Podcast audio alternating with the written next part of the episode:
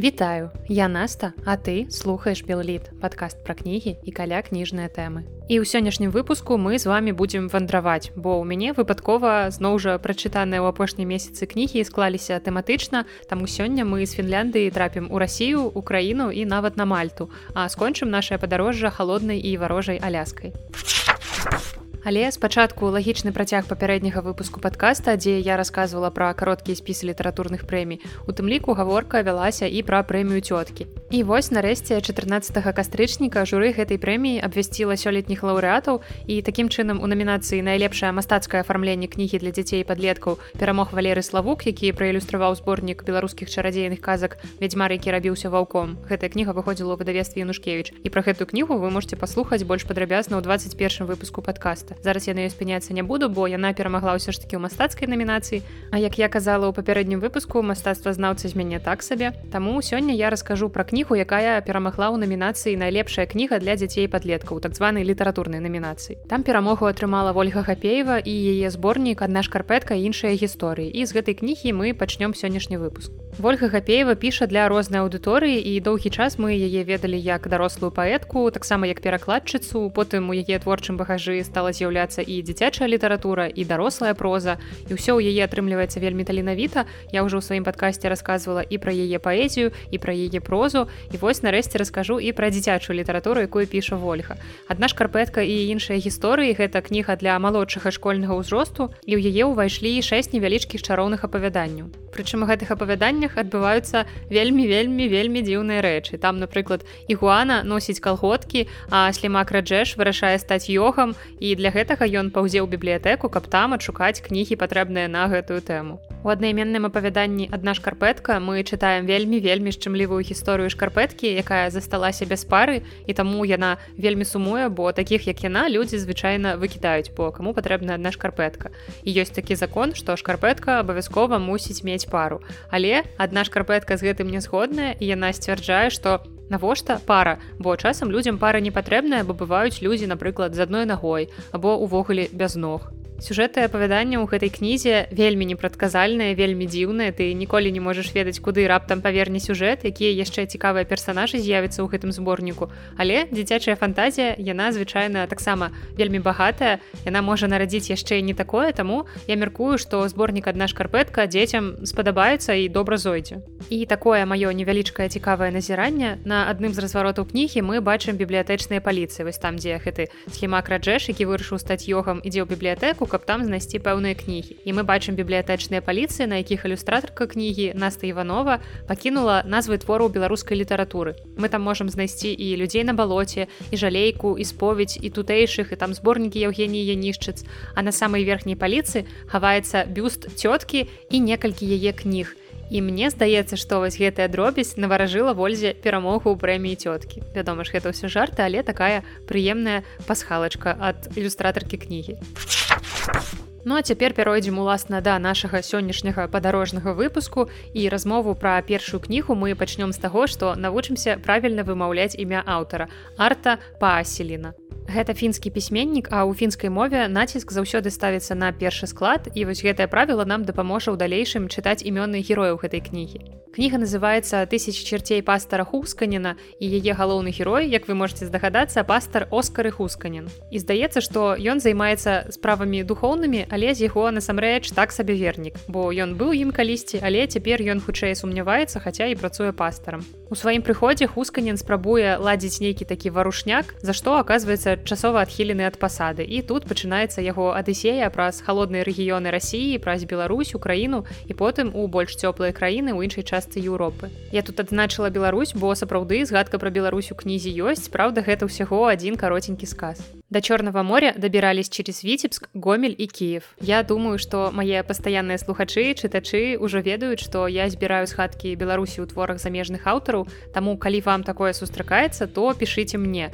І гэта не абавязкова мусіць быць упамінанне канкрэтных гарадоў або просто слова Беларусь. Гэта можа быць назва вёскі, назва нейкай ракі. Напрыклад, часта вельмі у французскіх аўтараў я сустракаю, зразумела, бярэзіну. І дарэчы, пра гэта хутка ў мяне будзе асобны выпуск. Магчыма, гэта будзе нават наступны выпуск дзе я раскажу вось больш падрабязна пра такія згадкі. Але вернемся да кнігі і тут трэба згадаць вельмі важны момант што падарожнічаць пастар пачынае не адзін а са сваім дрэсіраваным мядзведзем якога завуць чорт. І тут вы можете спытаць што у назве ж цэлая тысяча чарцей і чаму раптам тысяча калі чорт адзін.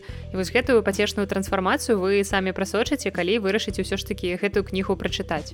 Больш за ўсё ў гэтай кнізе лакацыі з рассіі і увогуле паселіна вельмі актыўна ў рассіі перакладаецца і да таго ж адна з галоўных гераінь якая вандруе разам з пастарам яна руская. І вось як смешна аўтар рэзюмуе яе думкі з нагоды ўсёй гэтай справы у якую яна аказалася ўцягнутая Таня Михайлова посмотрела на сидевшего на табурете в углу барака Оскари Хусканина в наушниках, при помощи которых он сосредоточенно слушал космический шум. Экран компьютера оставался полностью серым и не подавал никаких признаков жизни. Таня подумала, ну и любовник у нее тут завелся, ну и мужчина. Временно отстраненный от должности финский священник, появившийся на острове с медведем, танцевавшим и совершавшим крестное знамение в ночном клубе пассажирского теплохода. И точно этого было недостаточно, старик еще и пролез в ее жизнь, говорил о внеземном разуме, с которым сейчас и устанавливал связь. Женщина никогда не может знать наверняка, каких идиотов ей пошлет судьба. І калі падчас праслухоўвання папярэдняга ўрыўка вы хоць разок усміхнуліся, то вам, верагодна, будзе цалкам камфортна падарожнічаць разам з пастарам. Смешная і часта вельмі абсурдная сітуацыя, якія трапляе хусканін, гэта выдатны адпачынак з кнігай. І ў пэўным сэнсе гэта нават такі раман пікарэска. Гумар тут часцей бывае чорны, гэта не зусім бесклапотная лёгкая гісторыя, вельмі пазітыўная гэта, хутчэй чыстая трагікамедыя ў скандынаўскай атмасферы. Пры ўсёй уяўнай лёгкасці і гумарыстычнай атмасферы кнігі ў ёй можна сустрэць даволі змрочныя тыпова скандынаўскія эпізоды, напрыклад, смерць некаторых персанажаў.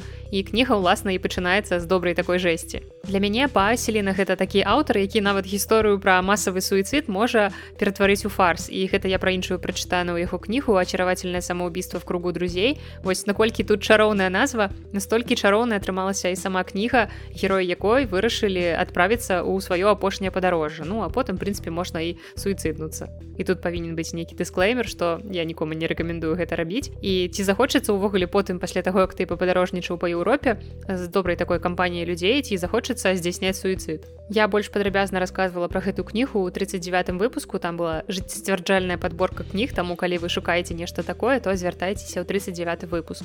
І гэтую кнігу пра ачаравательнае самоубийства я чытала гадоў 6 таму. Таксама восенню я зусім нічога не ведала пра аўтара. Мне просто дзіка спадабалася назва таму я вырашыла яе прачытаць. Але цяпер я ведаю што паселена гэта сапраўды той аўтар да якога можна звяртацца калі хочацца адпачыць. На даступныя мне мовы перакладзена акурат яшчэ некалькі яго раманаў таму я думаю што з артапаселена мы яшчэ сустрэнемся. Ну а кнігу тысячи чарцей пастара гусканіна я вам раю не ўспрымаць занадта сур'ёзна. Вам просто трэба расслабіцца калі будете яе чытаць. Можна нават уключыць аўдыокнігу перачытваць на гэту кнігу мне наўрад ці захочацца. Я думаю что вам таксама. У топе любімых эта кніга таксама не з'явіцца але гэта вельмі класная такая аднаразовая таблетка ад восеньскай тугі таму чаму б не яшчэ адной кропкай нашага падарожжа будзе аляска У гэтым годзе мне проста разбіваюць сэрца кнігі расійскага выдавецтва фантом пресс. Я ўжо рассказывала вам пра Empire Falls і пра кнігу там, где ракі пают. Гэта 32 і 29 выпускі адпаведна. А цяпер прыйшоў час расказаць і пра гэтую кнігу. Яе аўтарка Крысцін Ханна і кніга называецца з жизнью наедине.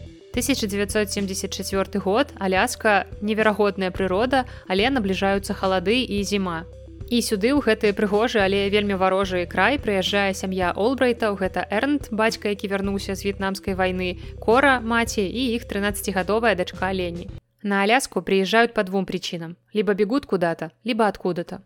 Пераезд быў вар'яцкай ідэяй бацькі, які вярнуўся з вайны зусім іншым чалавекам. І ён ніяк не мог сабе знайсці месца і калі сябры, які на вайне загінуў, пакінуў яму ў спадчыну нерухомасць на алясцы, то Эрт вырашыў, што гэта просто суперская ідэя і водгук на гэтую кнігу я пісала на працы ў паўпадвальным памяшканні калі яшчэ не ўключылі ацяпленне таму мне даводзілася заварочвацца ў плед уключаць цеплавентылятар перыядычна абдымаць руками кубак гарачай гарбаты інакш было вельмі складана стукаць па клавіатуры скурчанымі ад холаду пальцамі.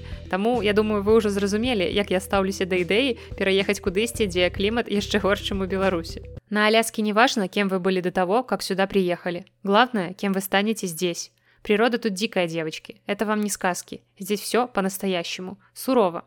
Оглянуться не успеете, как наступит зима. И поверьте, она здесь совсем не такая, как вы привыкли. Але бацьку эрнта ўвогуле не палохаю цяжкасці яму пляваць што думаюць жонка і дачка і ў нас ствараецца вобраз такога суровага мужика пакуль ты не ўсведамляеш чытаючы кнігу што ён пакутуе ад жорсткага посттраўматычнага стрэсавага расстройства а ў тыя часы ўсё ж такі было цяжкавата з псіхатэрапеўтамі і ад таго што пакутаю ён зразумела пакутаюць і астатнія члены сям'і бо як ад яго сыдзеш вось думае жонка яго кора ён жа свой родны няхай б'е і п'е ну не хлусіць жа народная мудрасць маўляў хто каго любіць то той таго чубіць. Ну а ў іх дачкі маленькай лені ўвогуле выйсця няма і вось так яны спрабуюць выжываць у новых умовах, неяк змірыцца з імі нават паспрабаваць атрымліваць задавальненне.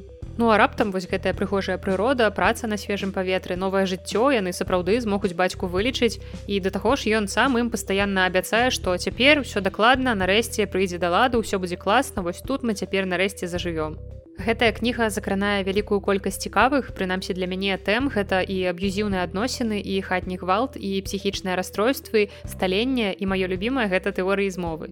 Гэта раман пра тое, як уласная сям'я становіцца турмой, бо ў тыя часы жанчыны былі даволі бяспраўныя істоты. Твой отец снял все деньги с нашего счета, а кредитную карту мне оформить отказались без подписи твоего или моего отца. Она закурила. Господи, боже мой, 74 год на дворе, я работаю, зарабатываю деньги, и мне не дают кредитную карту без подписи мужа или отца. Миром правят мужчины, подытожила мама и завела мотор. Ну а калі цябе б'е муж, то тут ужо табе варта задумацца, можа быць гэта ты нешта робіш не так. Звычайна такая логіка бывае. І гэта той момант, калі чалавек, з якім ты жывеш у адным доме, аказваецца для цябе больш небяспечны, чым зіма на алясцы. А з іншага боку эрнту яе мужу больш суперажываеш чым яго ненавідзіш або неяк асуджаеш бо гэта цяпер мы ўжо такія ўсе прашараныя ўсё добра ведаем пра розныя псіхічныя расстройствы пра птср а ў тыя часы гэта ніхто не ўспрымаў сур'ёзна. І магчыма калі б яны пераехалі ў іншае месца з іншым кліматам больш прыязным з іншымі людзьмі все склалася б зусім інакш.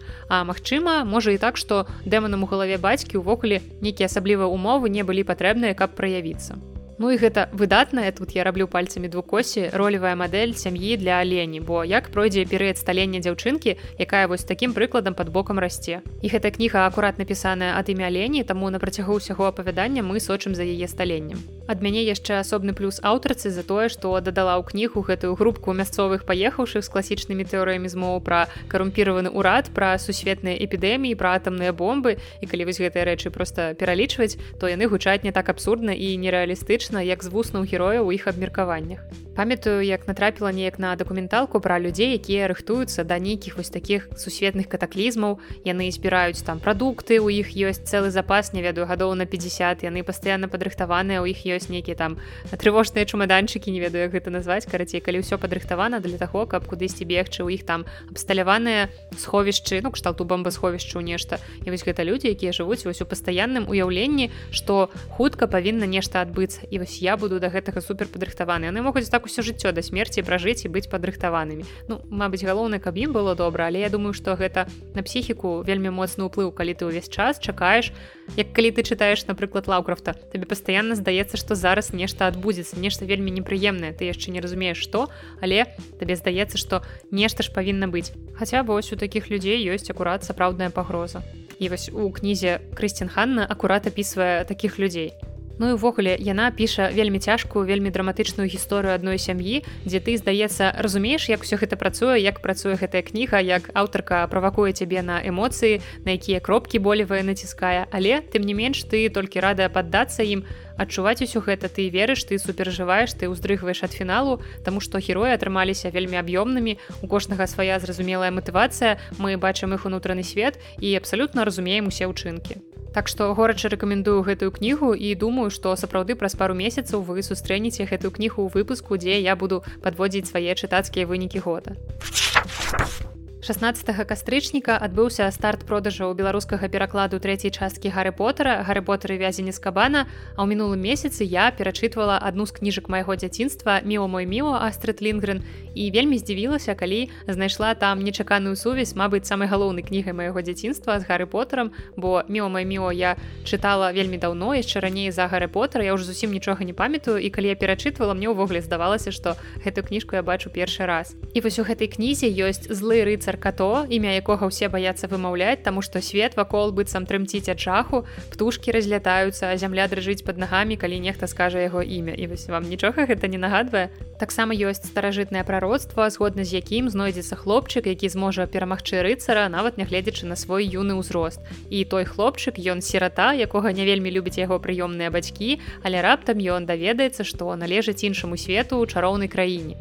І таксама героі кнігі карыстаюцца чымсьці накшталт манты няўгледкі толькі ў іх здаецца гэта плашчом называецца. Таму я не здзіўлюся калі роулінг натхнялася творамі астрыт лінгрен. А Ну і раз у гаворцы пра адну з кніг сёння я ўжо згадвала розных аматараў тэорыі змоў канспіралогіі то скончу выпуск я таксама гісторыі пра яшчэ адных аматараў і лжэнавукі і вядома ж гісторыя гэта будзе літаратурная. Ці ведаеце вы што такое фрэналогія? Ці сустракалася вам калісьці гэтае слово Гэта псеўданавука, якая нас пераконвае ў тым, што чалавечая псіхіка наўпрост звязаная з будовай паверхні чэрапа. Вось вашу галаву абмацваюць, знаходзіць дзесьці які-небудзь гарбок і ўсё на вас можна паставіць крыж, з вас нічога добрага не атрымаецца.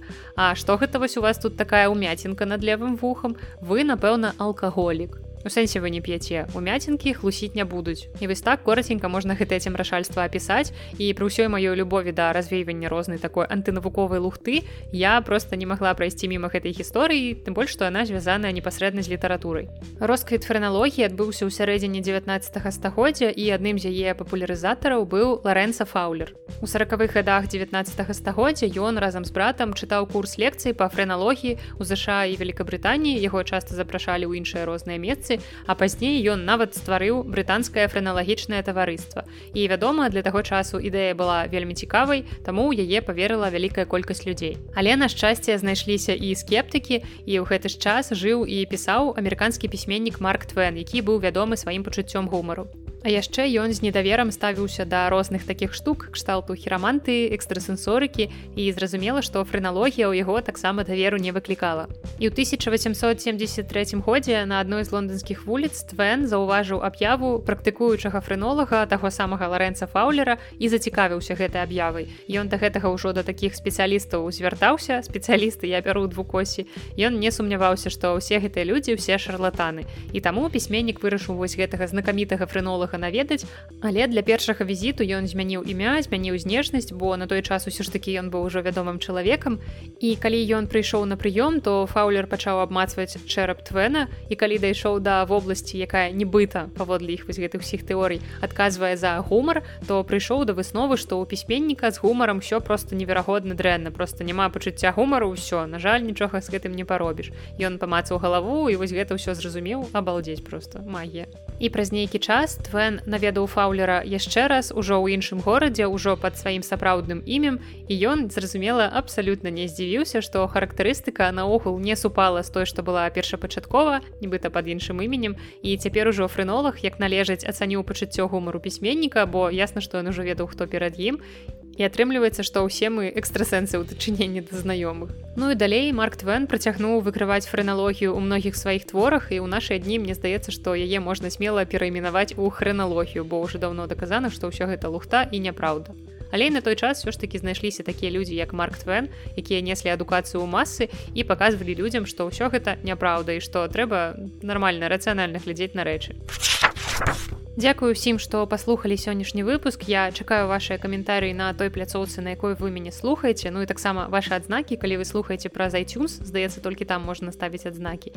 І таксама дзякую маім патронам на сайце patreon.com. І вы таксама ўсе можете далучыцца да падтрымкі подкаста і іншых маіх праектаў. Для гэтага вам трэба проста перайсці па спасылцу ў апісанні да выпуску, выбраць суму, на якую вы б хацелі падтрымаць гэты падкаст і ўсё, ўсё вельмі проста. І таксама ў наступным выпуску, калі я паспею дапісаць сцэнарый, гісторый вас чакаюць хаткі беларусі ў замежнай літаратуры як я ўжо казала. Там мноства твораў мноства цытат як прыемных так і таких нейтральных нават часам скандальных. І ў далейшым я думаю что гэтая рубрика стане ў падкасці пастаяннай бо Беларусь мне ў кнігах сустракаецца даволі часта і вось толькі за апошнія два месяцы это ўжо разоў 6 адбылося. І раней на працягу некалькіх гадоў я рабіла гэта ў якасці артыкулаў на портале онлайнер бай але цяпер маё супрацоўніцтва з онлайнерам скончанае і таму я магу гэта рабіць у іншых месцах вось буду расказваць вам пра гэта адразу ў падкасці. І на гэтым я развітваюся з вами была наста і падкаст белліт да сустрэчы.